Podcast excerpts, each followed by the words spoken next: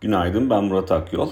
FED toplantısının ardından ortaya çıkan karışık tabloya paralel olarak piyasaların dün ağırlıklı olarak denge bulma çabası sergilediğini gördük yurt dışında e, ve ECB ile Fed'in faiz arttırımlarının ardından zaten e, faiz arttırımları diğer merkez bankaları, önde gelen merkez bankaları tarafından da devam ettirildi. Dün İngiltere Merkez Bankası 25 bas puanlık arttırım yaptı. İsviçre Merkez Bankası ise 50 bas puanlık e, faiz arttırım yaptı. Bu iki faiz arttırıp da zaten piyasaların beklentilerine paralel e, adımlardı.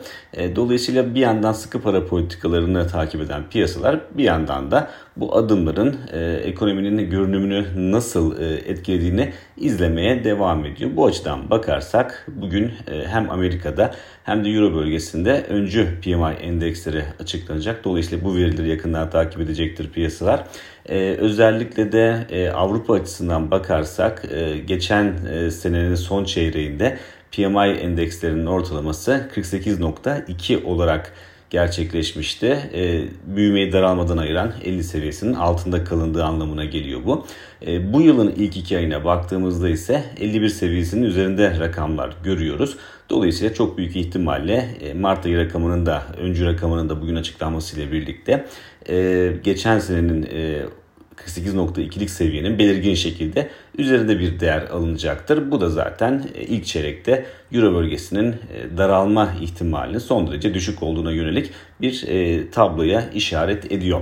İçeriye dönersek içeride dün Merkez Bankası'nın PPK toplantısı vardı. Orada ağırlıklı piyasa beklentisi faiz oranlarında bir değişiklik olmayacağı yönündeydi. Merkez Bankası da politika faizini değiştirmedi ve %8.5 50 seviyesinde bıraktı. E, karara TL varlıkların çok anlamlı bir tepki vermediğini gördük.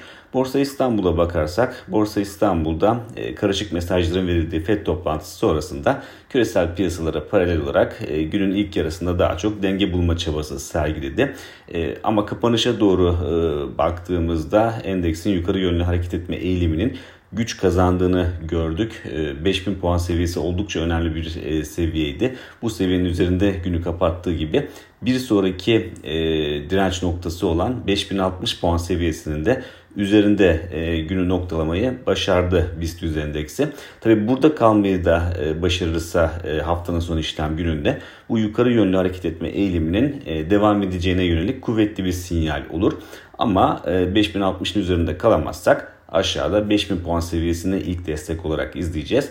Daha da aşağıda ise 4900 e, puan seviyesi var. Bir sonraki podcast'te görüşmek üzere.